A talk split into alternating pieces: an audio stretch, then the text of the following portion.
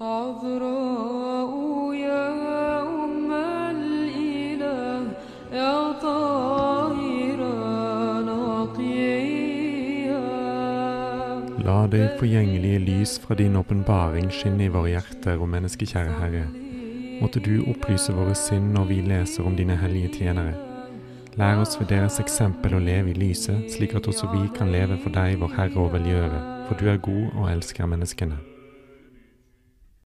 Den 20. desember minnes vi den hellige bispemartyr Ignatius den gudbærende. Vår fader blant de hellige, Ignatius gudbæreren, var den tredje biskopen av Antiokia. Han etterfulgte apostelen Peter og Eodios, som Ignatius etterfulgte ca. år 68. Ignatius, som ble kalt for gudbærer, var trolig en disippel av både Peter og Johannes, apostlene. Flere av hans brev har overlevd til denne dagen, og han regnes for en av de apostoliske fedrene. Lite er kjent fra hans tidlige liv, men tradisjonen forteller at Ignatius var det barnet som Jesus omtalte i Matteus 18,3. Med mindre du vender om og blir som et barn, kommer du ikke inn i himmelriket. Ved den anledningen skal Kristus ha løftet et barn, og det barnet var Ignatius. Som biskop var hellige Ignatius en viktig utvikler av den antiokenske kirken. Han var biskop i overgangsperioden mellom apostlenes tid og tiden da apostlene ikke levde lenger. Biskopen av Antiokia ble sentral for å utvikle kirkens organisasjon og vise hvordan nåden som kom ned over apostlene på pinsedagen, ble værende i bispeembetet og skulle fortsatt videreformidles gjennom bispeembetet.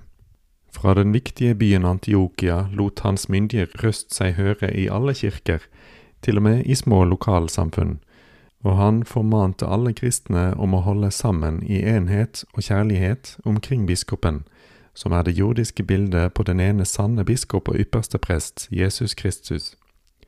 Forenet i den urokkelige troen på den korsfestede og oppstadende Frelseren, skulle de kristne overlevere det de hadde fått til neste generasjon innenfor kirkens fellesskap.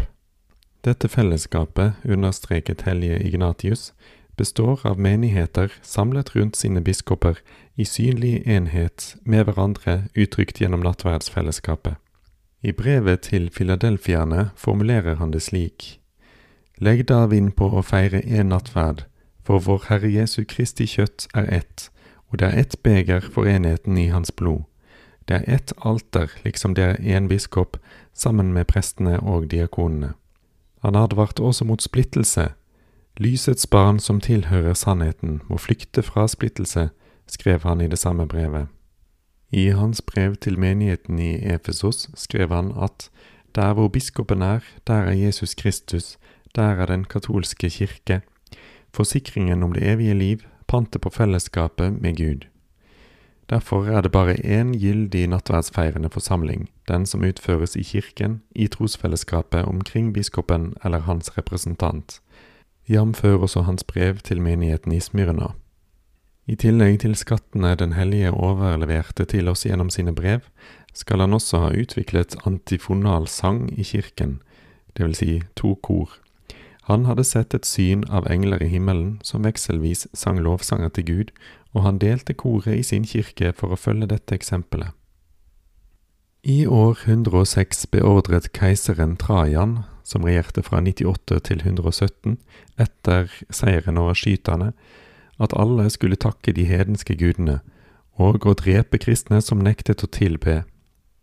I året 107 passerte Trajan gjennom Antiokia. Her fortalte de ham at biskop Ignatius åpent bekjente Kristus og lærte folk å forakte rikdom og leve et dydig liv og å bevare sin jomfrudom. Hellige Ignatius kom frivillig til keiseren for å avverge forfølgelse av de kristne i Antiokia. Hellige Ignatius avviste å ofre til avguder. Keiseren bestemte seg da for å sende han til Roma for å bli kastet til villdyrene. Hellige Ignatius aksepterte med glede dommen. Øyenvitner bekrefter at han var klar for martyrdøden. På vei til Roma seilte skipet fra Selevkia og stoppet ved Smyrna, og der møtte Ignatius sin venn biskop Polykarp.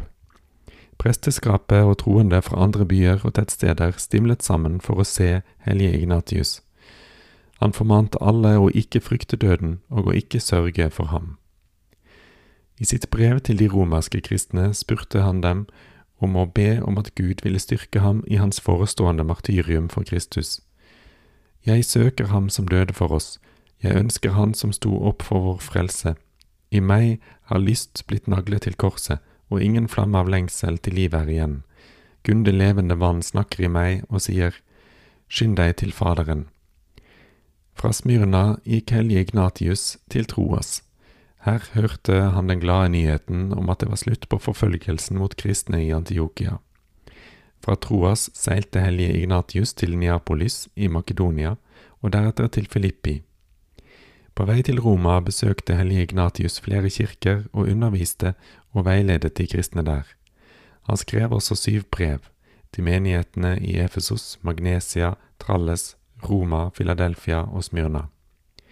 Han har også adressert et brev til hellige Polykarp, som nevnes i hellige Ignatius sitt brev til filipperne. Hellige Ireneus av Lyon siterer fra hellige Ignatius brev til romerne mot franglærerne. Alle disse brevene er bevart til i dag. De romerske kristne møtte hellige Ignatius med stor glede og dyp sorg. Noen av dem håpet å hindre henrettelsen, men hellige Ignatius bønnfalt dem om å ikke gjøre dette. Han knelte ned, ba sammen med de troende for kirken, for kjærligheten mellom brødrene og for en slutt på forfølgelsen mot de kristne. Den 20. desember, dagen for en hedensk festival, førte de hellige Ignatius inn på arenaen, og han vendte seg til folket. Menn i Roma, vet dere at jeg er dømt til døden, ikke på grunn av noen forbrytelse, men på grunn av min kjærlighet til Gud. Ved Hans kjærlighet er jeg omfavnet. Jeg lengter etter å være sammen med ham og tilby meg til ham som rent brød, laget av fin hvete på bakken, filt av tennene til ville dyr.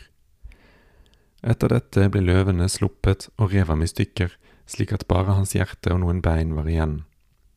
Etter henrettelsen viste hellige Gnatius seg for mange av de trofaste i søvne for å trøste dem, og noen så ham i bønn for byen Roma. Da keiser Trajan hørte om helgenens store mot, tenkte han seg om og stoppet forfølgelsen mot de kristne.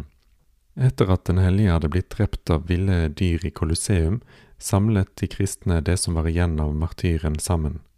De dyrebare relikviene ble brakt tilbake til Antiokia av diakonen Filo av Kilikia og syreren Reus Agapotus, og der ble de oppbevart og æret som den største skatt ved byporten, ifølge de hellige Hieronymus og Johannes Chrysostomos. Senere kom en del av dem tilbake til Roma da Antiokia på 600-tallet ble angrepet av muslimer. De ble plassert i San Clement-kirken, mens hans hodeskalle befinner seg i Ignatius-kapellet.